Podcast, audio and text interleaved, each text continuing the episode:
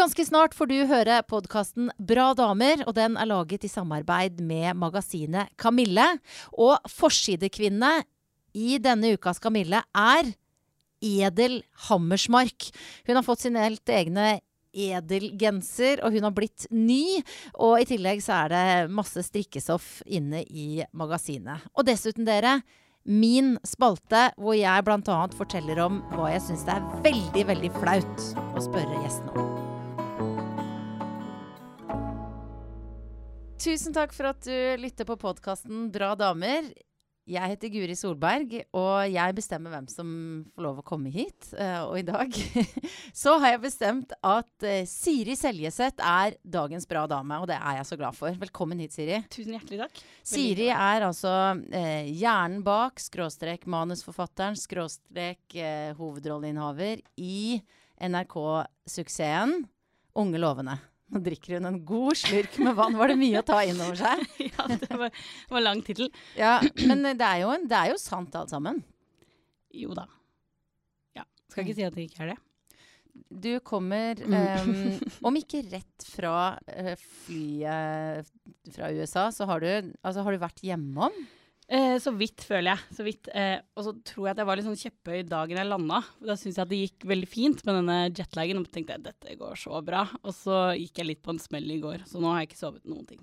Hvordan, hvordan, eh, hva slags smell gikk du på? um, bare sånn at jeg um, sov litt på dagen. Tok meg en liten lur på dagen. Eh, jeg tenkte det går helt fint. Mm. Um, så når natta kom, så var det ikke sjans.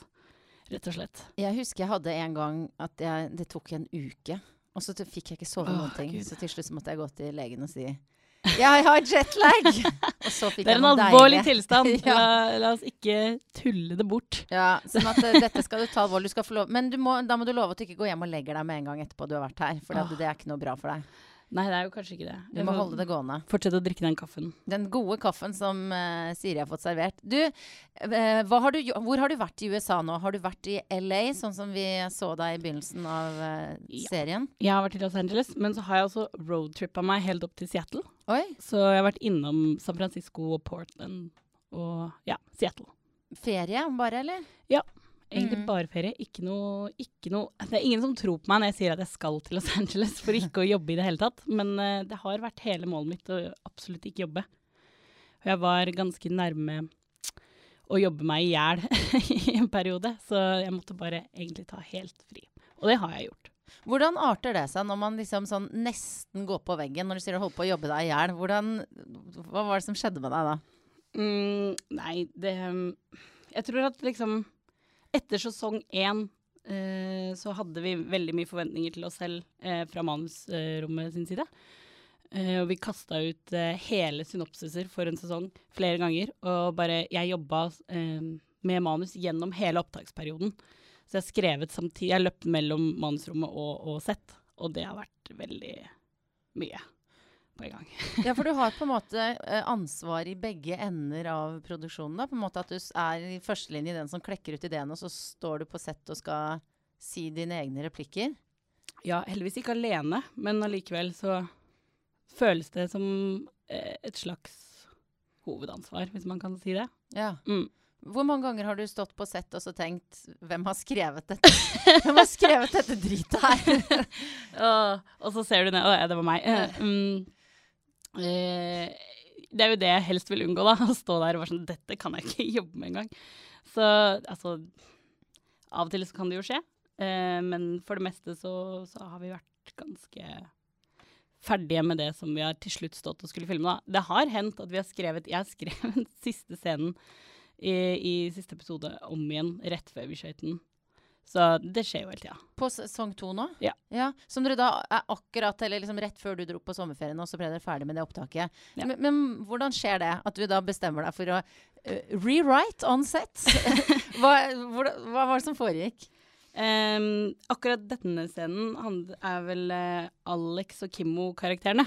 Uh, som skal ha et slags oppgjør, da. Og så um, er det noe med at man har sett dailies, eller man har sett liksom litt av klippene av det som har blitt filma, og man holder på, det er liksom ferskt. Eh, og så vil man bare at det skal bli så bra som det overhodet kan bli. Og så hadde man kanskje sett for seg noe, og så kommer man til dagen, og så er det så er alle enige om at noe annet hadde vært bedre. da må man bare sette seg ned og prøve å skrive det ut en gang til. Hvor lang tid trenger du da? Det er sånn OK, nå skal Siri bare skrive en ny scene, så alle tar fem minutter, da? Eller hvor lang tid tar det? Ja, da var jeg ikke, da var jeg ikke først på call-lista den dagen, så da hadde jeg et par timer. Eh, og da satt jeg hjemme i stua og skrev det. Og så viste jeg det til Alex, som også var hjemme. For jeg bor med Alex. Du bor Så, faktisk sånn med sett er Alex. det jo veldig praktisk. Ja, bra. Eh, og så var hun sånn Ja, dette, dette er bedre. Dette gjør meg. og så ringte vi Eirik, og så var han enig også, regissøren vår. Svensson. Så da, da ble det en ny scene. Og sånn, sånn skjer jo. Men du, den første sesongen ble jo, som jeg sa innledningsvis er så flott, en uh, suksess. Det var utrolig mange som så det. Dere var eh, nominert. Det var flere gullruter, var det ikke det? Ja. Ja, ja Ja. nominerte flere. Ja, og, og det ble en snakkis, og i det hele tatt Det var liksom veldig mye schwung rundt det. Hvordan er det å ha det liksom med seg i ryggen når du gikk inn i sesong to nå? Eh, det var vel det som gjorde at vi hadde så høye forventninger til oss selv, tenker jeg. Um, så det var uh, annerledes enn første sesong, for da følte jeg at vi fikk sitt Ingen brydde seg om oss. Ingen hadde hørt om oss. Eh, vi fikk pusle helt i fred med det vi Mhm. holdt på med. Og så nå så er vi liksom Nå blir vi tvita til hva som burde skje i sesong to. Så vi må prøve å liksom være bedre enn det pu publikum tenker at skal skje, da. Hører du, de, hører du på noen av de forslagene?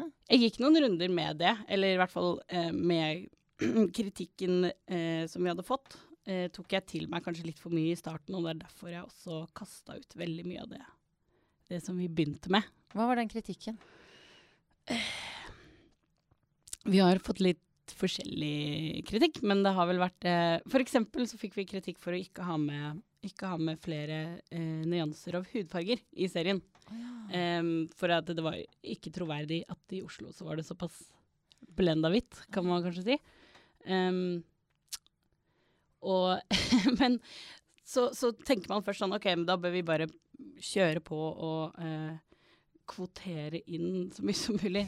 Veldig dårlig valg av ord der. Men em, så kan man liksom ikke lage ting ut ifra eh, verken eh, å være politisk korrekte, eller eh, bare for å liksom sjekke av noen bokser Jeg vet ikke hvor jeg skal med dette resonnementet, men eh, i hvert fall så eh, var det mye Vi fikk mange sånne Dette og dette bør skje, og det, bør være mer sånn og sånn. Og det tok vi først til oss, og så dreit vi det.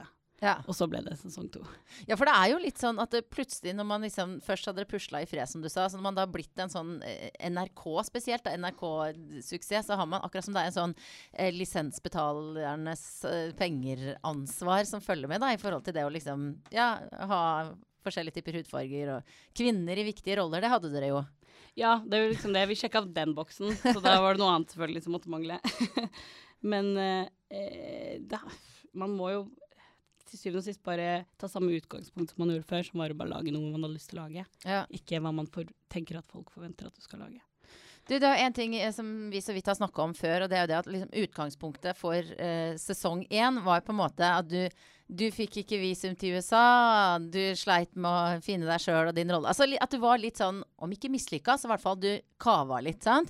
Men så nå, nå og, så kan man jo liksom diskutere om det bare handler om deg, eller om det tar utgangspunkt i deg. Men nå går det jo liksom skikkelig bra. Altså, du har laga en TV-serie som, som gjør det fint og sånn. Og så da tenker jeg, gjør det det mer utfordrende å lage sesong to? Det at du rett og slett ikke er mislykka lenger?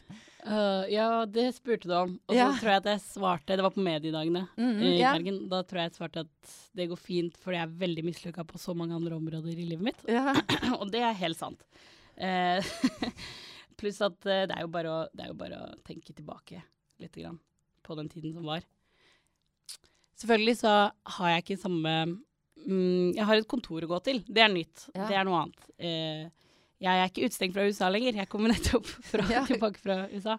Men uh, helt andre uh, områder av livet mitt feiler jeg så grundig på at uh, det er nok å ta av. Hvor er det du feiler mest? Um, kjærlighet, der går det altså så til de grader dårlig. Hva, er det, er det fra, et fraværende kjærlighetsliv, eller er det feil folk du hooker opp med? Begge deler går, går det an. Det ser helt sikkert. Mm. Fravær. Fravær. Men når det først er noe Ja, så er det alltid feil. Veldig, veldig feil. Um, eh, så er, sier de at eh, hvis du aldri har hatt penger noen gang, og så begynner du å tjene penger, så kommer du til å fortsette å bruke alle pengene dine. For det er du, vant, du er vant til å bruke alt du har, for du Ja. har nesten ingenting. Mm. Eh, og jeg husker liksom at jeg sto og hadde 23 kroner på butikken og skulle ha mat i en uke, og hva skal jeg bruke det til? Og da, det betyr at jeg går inn og, og så drar jeg kredittkortet mitt oh, ja. for de villeste summer. Så der er jeg mislykka. Um, Ja, men det, er, det er greit å ha litt kredittkortregning, bare du har en fast, rimelig fast inntekt. Snakke for en venn, holdt jeg på å si. ikke sant? Uh, men nå har, jeg, nå har jeg lønn i to måneder til som jeg vet om, og så har jeg ikke lønn etter det. Nei. Hvordan trives du med det? Jeg liker egentlig veldig godt frilanstilværelsen. Um, det er ikke helt uh, uh, det beste Det er ikke den beste måten å få lån i banken, Nei. men det er den beste måten å ikke bli helt ko-ko av det jeg holder på med, tror jeg. Mm. Du, hva kan vi forvente oss av den sesongen som du akkurat er ferdig med nå? Hva er det liksom jeg kommer til å bli mest overrasket over, tror du? Hva du kommer til å bli mest overrasket over. Uh, Er det drøyere på noe vis? jeg vil si at det er litt mørkere. Ja. Um, tok vel det valget ganske fort at eh, vi, må, vi må et steg videre. Og da ble det til mørke, uh, fordi jo eldre man blir, jo mørkere blir jo livet. Ja, mener du det helt seriøst? Det er min erfaring så langt. Um, ikke nødvendigvis at det er så trist hele tiden, men ting blir jo mer alvorlig, for det står mer på spill, føler jeg. Mm. Uh, når du er uh, yngre, så kan du fortsatt si at du har litt god tid på deg til å gjøre feil. Og så blir det litt mer crunch time. Eller i hvert fall så føler man det. Det er jo ikke Mm. sikkert det faktisk er sånn. Nå er jeg jo midt i det. Kan være at jeg kommer til 40 og bare sånn Hva var det jeg trodde? Ja, ja, fra en som nettopp har fylt 40, så er Ja, det jo gjerne litt sånn Ja, takk. Men det flytter seg jo på en måte hele tida, det der. Altså, nå tenker jo ikke jeg at Altså, nå tenker jeg at du er veldig ung og nesten litt sånn eh, ovenfra og til tenker ja, ja, jenta mi. Men samtidig så vet Så er det jo Det er jo sant det du sier også. For man blir jo mer og mer voksen, og det er jo, det er jo liksom the real deal. Liksom familie og penger og fremtid. Og det blir jo liksom større spørsmål jo eldre man blir. Ja. Og så var vel premisset for serien var når skal man på en måte kaste inn håndkle Mm. på drømmen sin. Og eh, det blir også mer eh, viktig å ta stilling til jo nærmere du blir en viss alder. Du, Mm. Det er liksom ikke søtt lenger å være ung og lovende, som blir mer og mer ironisk tittel på den serien. Ja, og, det er, og hvis, hvis du da sier at neste sesongen er mørkere, så er jo det en ganske, ganske eh, god tittel også. Hvis det er liksom unge lovende, og så er det, er det noe mørkt som ligger under der. Det er litt heftig. Ja, ja, vi får se. Nå har jeg holdt meg veldig fint unna det klipperommet. Ja. For de, de er så flinke til det de driver med, de som gjør det. Så jeg har ikke sett på nesten noen ting. Eh, jeg tror episodene ligger på sånn 40 minutter nå og skal ned i 30. Ja. Så jeg skal inn og se det. Og det blir første klippet jeg ser. Men jeg bare kjente at em, denne gangen så la jeg igjen så mye eh, på sett og med manuset at eh, jeg hadde ikke noe til overs til å sitte igjen i klippen. Så jeg bare dro. ja. Stakk av fra hele Men når du da kommer tilbake og skal se det, eh, hvordan blir det? Jeg vet ikke. det er nå. Det kommer nå til uka. Så Ja. det blir eh, Åh, jeg kjenner jeg blir nervøs bare ved tanken på det. Men jeg vet at det, det vi har laget I hvert fall så vet jeg fra eh, et forfatters um, perspektiv og skuespillermessig så vet jeg at vi er stolte av det vi har laget så Mhm. langt. Og så får vi se hvordan det blir. Det vet man jo aldri før det er helt ferdig klippa. Men er det sånn at du nå kan Altså, ja, du sier jeg er stolt av det du har laget. Du må jo bare ha en sånn Altså den andre siden av det presset du snakka om i stad, så ligger det vel en liten en sånn selvtillit på at dere har fått til noe?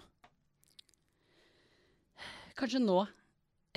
ikke i starten. I starten var det bare veldig forferdelig å få oppmerksomhet. Eh, det var så deilig å være helt i fred med det. Og vi ble jo fortalt av både kanalen og til og med produsenten min Bård sa dagen før premieren at eh, du skal vite med deg selv, Siri, at det du har laga, det er bra. Ingen kommer til å se på det, men det det er bra. Eh, og da var det veldig rart at såpass mange så på det. Ja, det ble mye oppmerksomhet rundt deg også. Mye nysgjerrighet. Hvordan opplevde du det? Jeg syns det var så mye rare uh, spørsmål. Mye rar oppmerksomhet. Uh, veldig mye sånn spesielt på det der med at uh, jeg har basert litt av det på livet mitt og sånn, som er egentlig noe absolutt alle som skriver gjør, men fordi at jeg også spiller i det, så ble det så sinnssykt mye fokus på det. Um, så er det jo hyggelig. Det er jo hyggelig at folk bryr seg, men det var, det var så, altså var det veldig sånn Å, norske girls, har du prøvd å lage norske girls? Er du norske Lena Dunham? Er du norske Lena Dunham? Jeg er jo ikke det i det hele tatt. Vi ligner jo veldig ikke, egentlig. Uh, selv om det er en veldig hyggelig sammenligning. Jeg liker jo Lena Dunham veldig godt. Jeg òg. Eh, men overhodet ikke Norges Lena Dunham. Eller jeg liker ikke Norges versjon av noen ting. Jeg syns det er en sånn eh, billig boks å sette noen i. Mm. Veldig greit for å få liksom, folk til å trykke på saken, sikkert. Men, eh, men eh, man prøver jo å lage noe eget. Jeg syns liksom ikke vår serie endte opp med å ligne på Girls. Nei, og det syns jo ikke jeg heller. Det, det er sikkert bare når det er ukjent, så er det akkurat sånn tvangstrøye fra tabloidene at de må ha noe som ligner på det, eller at du hadde vært gift med en eller annen som du kjente. Altså et eller annet sånn, en sånn kjent navn. Men nå, eh, når andre sesong kommer, så trenger de ikke det.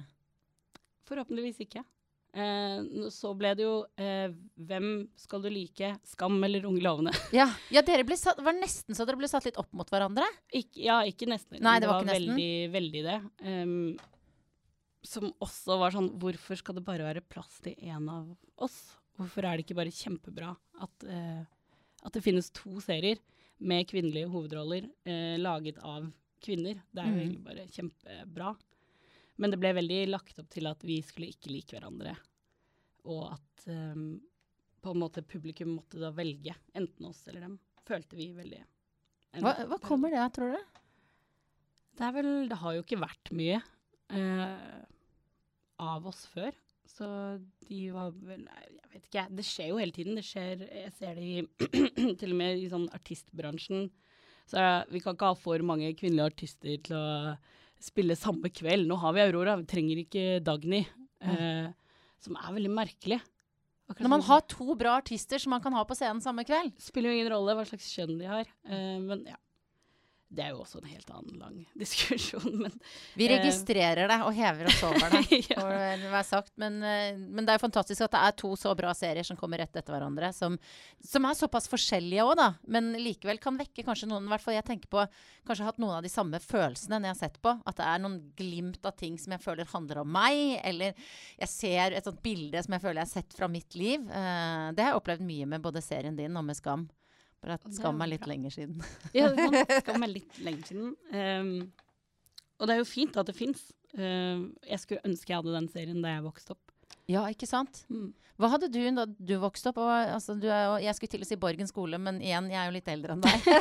Og jeg vokste opp i Stavanger, så jeg aner ikke hva du snakker om. Nei, nettopp. Men hva, Um, hva er det du så på som engasjerte deg? Det var vel ikke egentlig før Freaks and Geeks kom at jeg hadde egentlig en serie som jeg Mm. virkelig engasjerte meg i. Men um, jeg hadde, det var vel litt svenske, serier. Altså Adam og Eva. Ja. Handla jo om kidsa. Ja, det husker jeg. Eva og Adam, tror jeg det Ja, nettopp. Mm. Og det elsket jeg. Så jeg hadde helt sikkert slukt Skam. Og det gjorde jeg jo egentlig for så vidt nå også, men Ja. eh, det hadde vært skikkelig gøy å ha da jeg var yngre. Men du, da du så på Eva og Adam, jeg vet ikke, jeg var sånn 13 år eller sånn, hvordan var du da? Hvordan jeg var da? uh, jeg var en rar, rar 13-åring. Alle 13-åringer er jo litt rare. Hvordan, hvordan Det er, var du liksom rar? ikke, det er ikke noe spesielt med det. Uh, men jeg var vel bare sånn Jeg følte ikke at jeg passa inn noe sted, da. Uh, og nå var jo jeg en østlending i Stavanger. Ja. Så jeg ble jo uh, absolutt minna på at jeg ikke var helt lik alle de andre. Men jeg hadde vel alltid litt annerledes interesser. Jeg vet ikke. Hva slags interesser hadde du? Mm. Eh, jeg spilte håndball for mora mi i 16 år. Ehm, og egentlig så hadde jeg det eneste jeg hadde lyst til, var å drive med teater og uh, se på TV. Det var det eneste jeg ville. Så spilte jeg håndball istedenfor. Um, jeg skrev veldig mye. Skrev alltid på en eller annen stil eller et eller annet. En novelle. Noe. Når begynte du med det? Hvor Mm. tidlig var det liksom skrivinga begynte? Jeg skrev faktisk allerede på barneskolen sånne små historier eh, som jeg ga til andre til å lese bare for gøy. Og så eh, Som også er en rar ting å gjøre. Um, og så var det vel da jeg begynte på ungdomsskolen at eh, læreren min, fantastiske Inger, Eh, hun, eh, hun var veldig positiv og backa meg veldig i skrivinga mi, så da ble det bare Da ble det mer av det. Så ble det til slutt en sånn eh, running gag at jeg kunne levere inn hva som helst og få sekser på det. så de eh, i andre i klassen utfordra meg til å liksom tegne en bæsj på et papir og se om Inger fortsatt ga meg en sekser. da. Ja, gjorde du det? Eh, jeg tegnet aldri den versen, jeg turte ikke. Nei. Tok det veldig seriøst, dette med skrivinga. Ja, og det, man skal være ganske tøff. Altså, jeg, jeg ser ikke for meg at jeg hadde turt det heller å levere inn en bæsj. Man tør ikke det. Samme hvor jeg rebelsk man måtte være. Ja. Eh, og så leste hun alltid stilene mine høyt, så det var en sånn veldig Hun var en veldig motor for meg i forhold til skrivinga. Og så kom jeg på videregående, hvor jeg hadde en lærer som gjorde det nøyaktig motsatte. Nei. Eh, som på en måte La oss si at han hadde et eller annet rart i kaffekoppen hver gang han kom inn i rommet. Og var veldig egentlig ikke noe kreativ eller bra på noen måte. Og så bare slutta jeg å skrive i mange, mange år av det. Så det var kjedelig. Så takk til Inger, men ikke så takk akkurat til han Eh, til han fyren med noe i kaffen. Men hva er, det som, hva, hva er det som har drevet deg, eh, til tross for da sånne små hindringer som han fyren og bæsj på, på oppfordringer på stilen og sånne ting? Hva er det som har drevet deg til å fortsette? For du skriver jo nå, sikkert hver dag. Ja, Um, det var vel egentlig noe i det der å finne en ny måte å uttrykke seg på. Så fant jeg standup, som eh, Hele livet mitt på en måte har jo ligget i andre folks hender. Jeg har gått skuespillerutdanning. Eh, det handler om å gå på auditions, det handler om å eh, få de riktige rollene og eh, gjøre de bra nok for alle andre. Og så fant jeg standup som handla kun om å gjøre akkurat det du vil sjæl. Så du skriver det sjæl, du står der oppe, leverer det sjæl, det er regien din, alt. Um, alt er bare deg. Sånn at hvis det skulle hende at det går bra, så er det helt, helt uh, vilt. Og når det går dårlig, så er det den verste følelsen i hele verden. Og jeg liker den, jeg liker den risken der. At Ja. det kan enten gå så bra som det overhodet er mulig å gå, eller så ræva som du aldri noen gang har følt deg. Ja, for for meg så altså det står som en gåte. Og jeg skjønner jo selvfølgelig den applausbiten, hvor deilig det må være. ikke sant? Det har jeg som programleder kjent hvis jeg skulle slumpet å si noe morsomt. Og den følelsen av latteren som bølger gjennom publikum, og liksom den, det bruser jo i kroppen. Mm. Men jeg har jo vært på så mange eh, standup-greier hvor liksom folk står og skraper med foten i gulvet og svetter i hendene og rister, og ingen Og det er så vondt. Og da er jeg sånn Du må gjøre opp for å hjelpe. Ja. Altså, hvorfor ønsker man seg til den verdenen, tenker jeg. Um, det er jo en klisjé, men også har jeg funnet ut ganske sant at um, alle som går på scenen kun for å være morsomme, har et stort svart hull inni seg som Ja. må fylles av noe. Og den mest umiddelbare og mest um, givende responsen du kan få, er jo latter. Du kan ikke fake eh, den responsen fra et helt rom. Eh, når du står på en scene og gjør teater som er rørende, så kan du ikke høre tårene dryppe. Du kan høre den latteren, og den fyller eh, midlertidig opp et slags rom i oss som har det svarte hullet. og så eh, har du det kanskje fulgt opp i et par timer etter show, og så er det tomt igjen, og så må du på. Det er derfor du må gå på hele tiden. Det, det er jo litt av en, en diagnose på et samlet eh, komikerlaug i Norge. Er det sånn at alle er på en måte litt sånn angstpreget uh, egentlig på si? Ja. Ja. Jeg tror, jeg tror ikke at jeg avslører noen. Og jeg tror ikke det er noe nytt. Og jeg tror ikke at noen hadde sagt nei, det stemmer overhodet ikke. Det fins jo selvfølgelig eh, velfungerende mennesker som driver med det også. Eh, men for det meste så er det ganske eh, ødelagte sjeler som trenger en eller annen bekreftelse. Men sånn som deg nå, nå har du vært på ferie og i hvert fall sier at du ikke har jobba noe i det hele tatt, og i hvert fall ikke stått på standup-scenen. Hvordan er det med det sorte hullet ditt nå? Det, det gaper. Nå må jeg ha litt påfyll, faktisk. Jeg har savna jobben veldig masse. Jeg er ikke egentlig et feriemenneske. Jeg vil nok bare jobbe. Um, så kan man jo si det er en jobb å ta litt ferie fra skrivinga, for da kan man begynne å tenke istedenfor. Så jeg sitter jo og har masse ideer til hva jeg skal skrive ned når jeg først kommer på kontoret. Men jeg har gitt meg selv sånn Du skal ikke skrive det ned. Bare ha det oppi der, og så ta det når det kommer. Funker det, eller? Eh, vi får se. Ja, så at du har, har nå, når du har uh, kjørt til Seattle, har du liksom hatt kverna godt? Ja. Den går egentlig alltid. Det er veldig slitsomt samtidig som det er uh, greit når du kommer tilbake på jobb, at du har et eller annet gående. At du ikke setter deg ned og bare OK, hva, hva skal vi lage nå? Mm. Du har liksom har i hvert fall ti ting jeg har veldig lyst til å presse ned i halsen på Mats, min medforfatter. Men er det da eh, ting som kommer innifra, eller er det eh, ytre situasjoner? Altså eh, ting du ser og opplever på din vei? Jeg tror jo egentlig min filosofi eh, om skriving er jo at alt egentlig kommer utenfra. Um, av alle, alle, gode ideer og alt har du jo fått fra et eller annet sted. Jeg tror ikke det kommer fra et eller annet sånn eh, Å, et geni inni deg. du har fått det, du har sett eh, noe som har inspirert deg, og så kommer det ut av deg på en eller annen måte. Så jeg følte jo det at um, da vi gjorde sesong to, så jeg, gikk jeg rett fra uh, sesong én uh, og satte meg på kontoret igjen. Jeg hadde ikke noe pause mellom der, jeg hadde ikke noe liv imellom der. Så mm. livet mitt var å gå uh, på kontoret, sette meg ned klokka ni til fire. Det ble veldig sånn tørt, da. Jeg hadde ikke så mye å dra inspirasjon fra. Uh, mens sesong én så hadde jeg jo et helt liv av mislykkede forsøk å ta fra. Så jeg føler at nå må jeg ut igjen og liksom Ja. De sier det både i standup og det gjelder sikkert skriving at du må, ha, du må, ha, noe å skrive om. Du kan ja. ikke bare sitte og skrive. Du må ut og leve litt. Så ja. Det har jeg prøvd å gjøre. Men du, altså både i um både i serien og sikkert også på standup-scenen, så eh, dreier det seg litt om sex. Altså det, det selvfølgelig i eh, Både jeg da, og i tabloidene så har det vært liksom stått om sexscener og at noe måtte klippes bort og sånne ting. Men det som, det som er forbilledlig, er jo at på en måte det behandles som, en sånn, som den naturlige tingen det faktisk er. Da. Dere kødder med det, og det ser liksom vanlig ut. Um, hvor vanskelig var det, syns du? Er det lov å si at det ikke var så Det var ikke så ille? Ja, det er lov å si, for jeg er nysgjerrig på det der. Ja, for meg så var det veldig sånn Hvis vi skal gjøre sex, så må det være eh, Det må være en grunn til det. Eh, det, må det, må handle om noe mer enn bare at disse to karakterene ligger med hverandre nå. Det må ligge en mening bak det. Og det følte jeg at vi greide å gjøre. Og da plutselig eh, handler det da, da, blir det som en vanlig spillscene, og så glemmer du litt at du ikke har noen klær på. Ja. Eh, nå hadde vel ikke jeg noe sånn Jeg hadde faktisk ikke en sexscene, jeg bare har en scene hvor jeg hiver av meg klærne ja. og setter mm. meg over en fyr.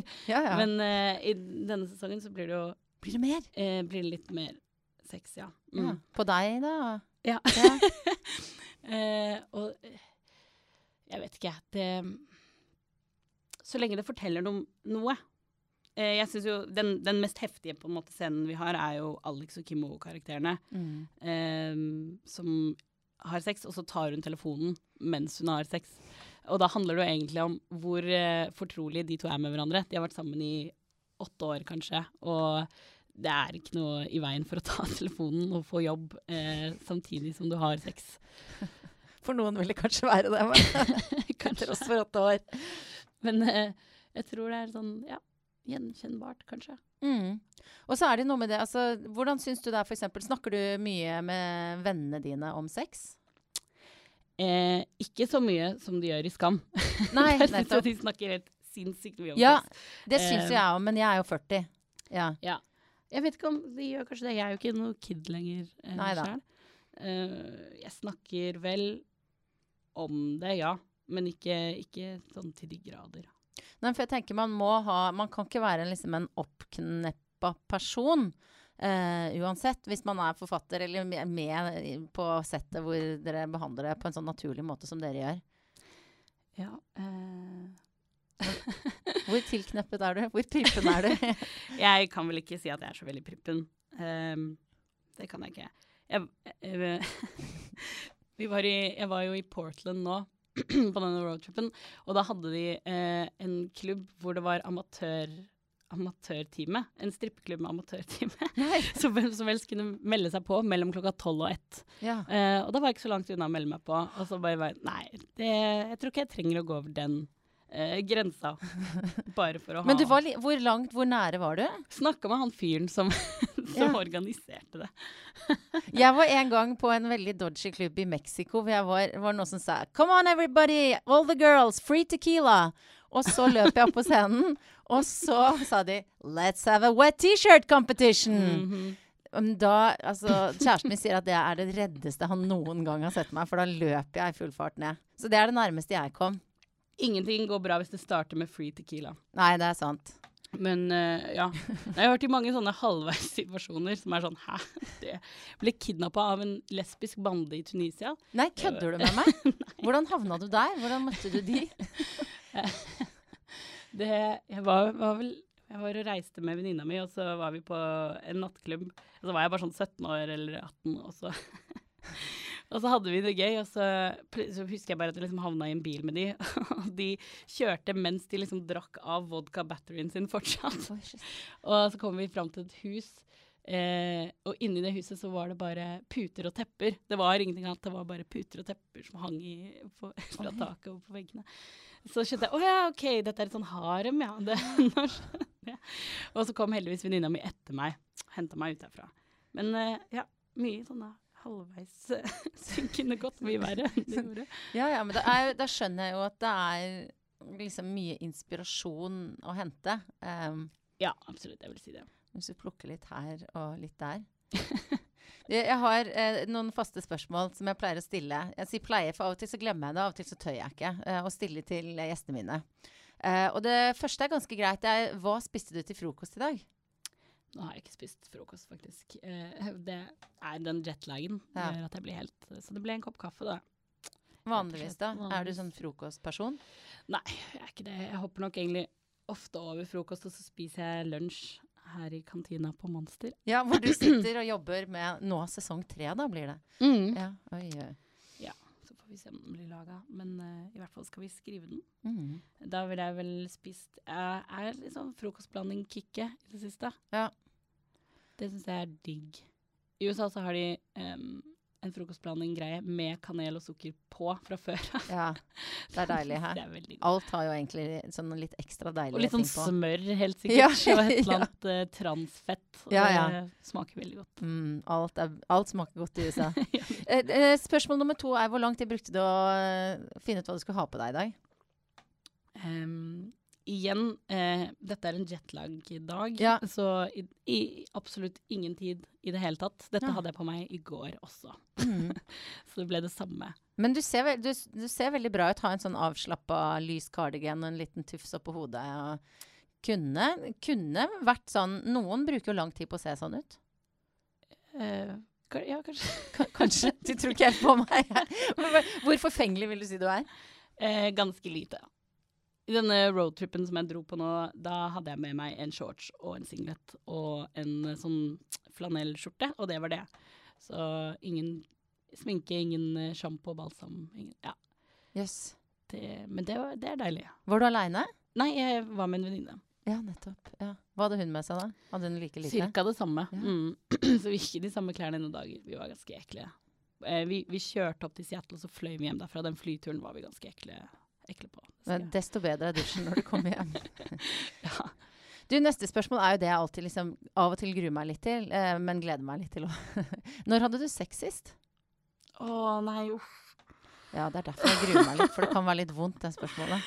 Å, det som er så vondt nå, at det er så, det er så lenge siden at det År, liksom? Um, Ikke et år, men eh, starten av året i år, så det blir vel snart et halvt år, det, da. Å, Mm. fy fader. Ja, ja. Og det er dette, der kommer vi til det sorte hullet eh, som vi snakka om i stad, eller? Er Jepp. ja. Hvordan, altså, Går det an å si noe om um, Du sier du ofte møter feil fyrer. Hva Ja. er, det noe, er, er det noe til felles for disse er altså Han du da traff på begynnelsen av året i år, og de andre du har driti deg ut med før, hvis det er det du, Ja. det du har gjort? da? Det er jo hele tiden handler jo livet om å ikke velge sin egen far som kjæreste. og så tror du Yes, her har jeg funnet noe helt annet. Og så er det faren din i en annen innpakning. Eh, OK. Hva, hva, hva, hva, hvordan er de fyrene som ligner på faren din? Nei da. Uh, nei. Uh, det bare Uff a meg. Eh, ja, han kommer aldri til å høre på dette, eh, så det går bra. Mm, eh, det, er, det er bare noen, noen trekk man gjerne vil Hvis man kunne liksom bare Det skal jeg aldri være borti sjæl.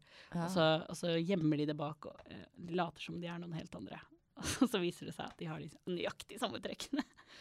Eh, det hørtes jo kjempemørkt og trist ut. Men nei, det er jo Det må jo være meg, da, som konstant velger feil. Går for OK, si det, si det sånn. Hvis du alltid har jobbet for å få anerkjennelse av, eh, av eh, noen, så vil du gjerne søke det i de andre forholdene dine også.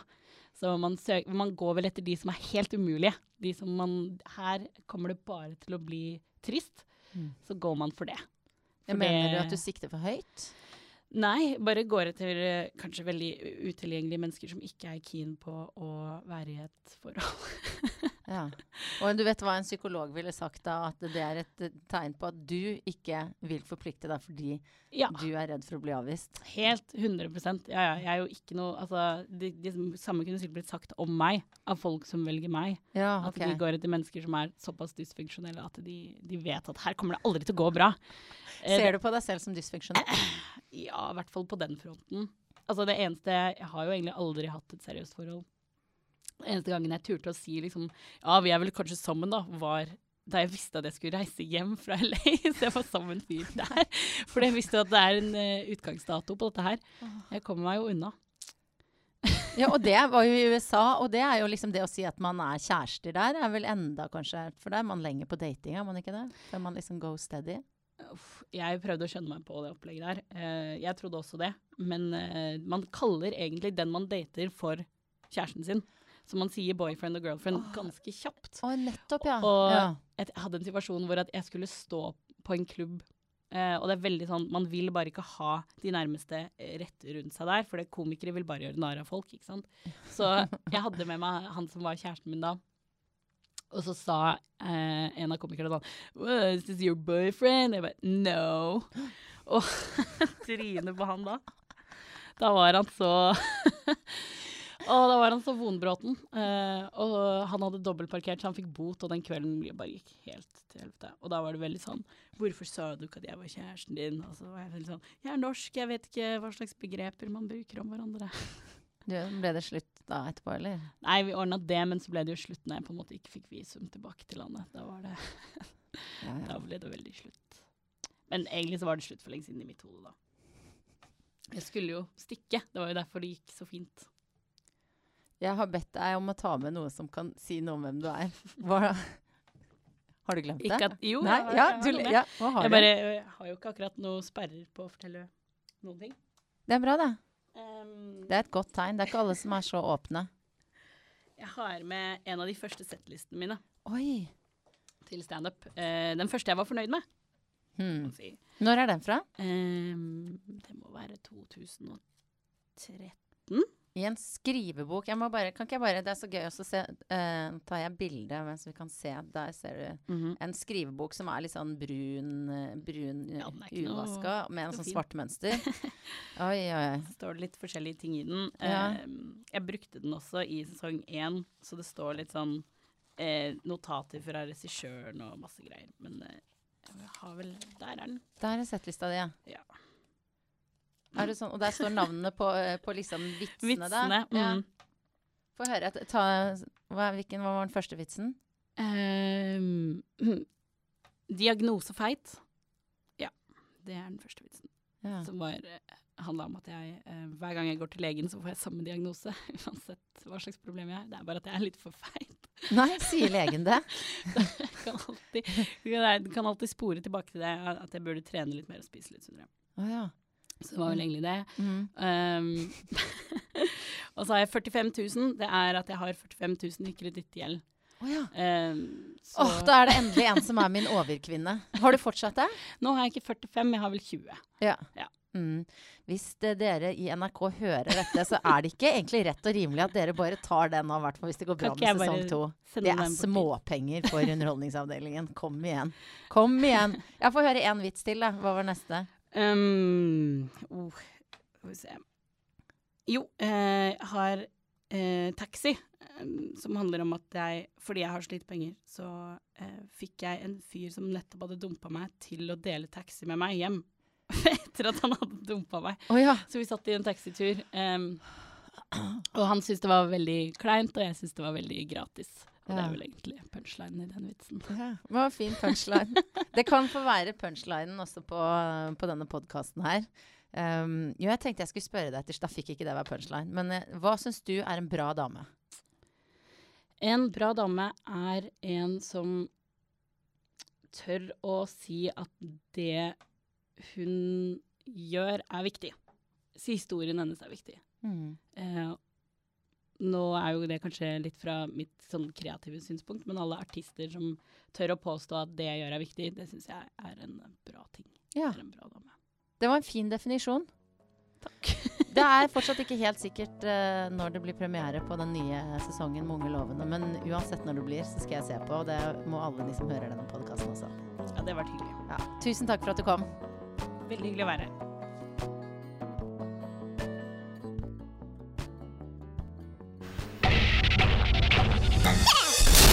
Monster.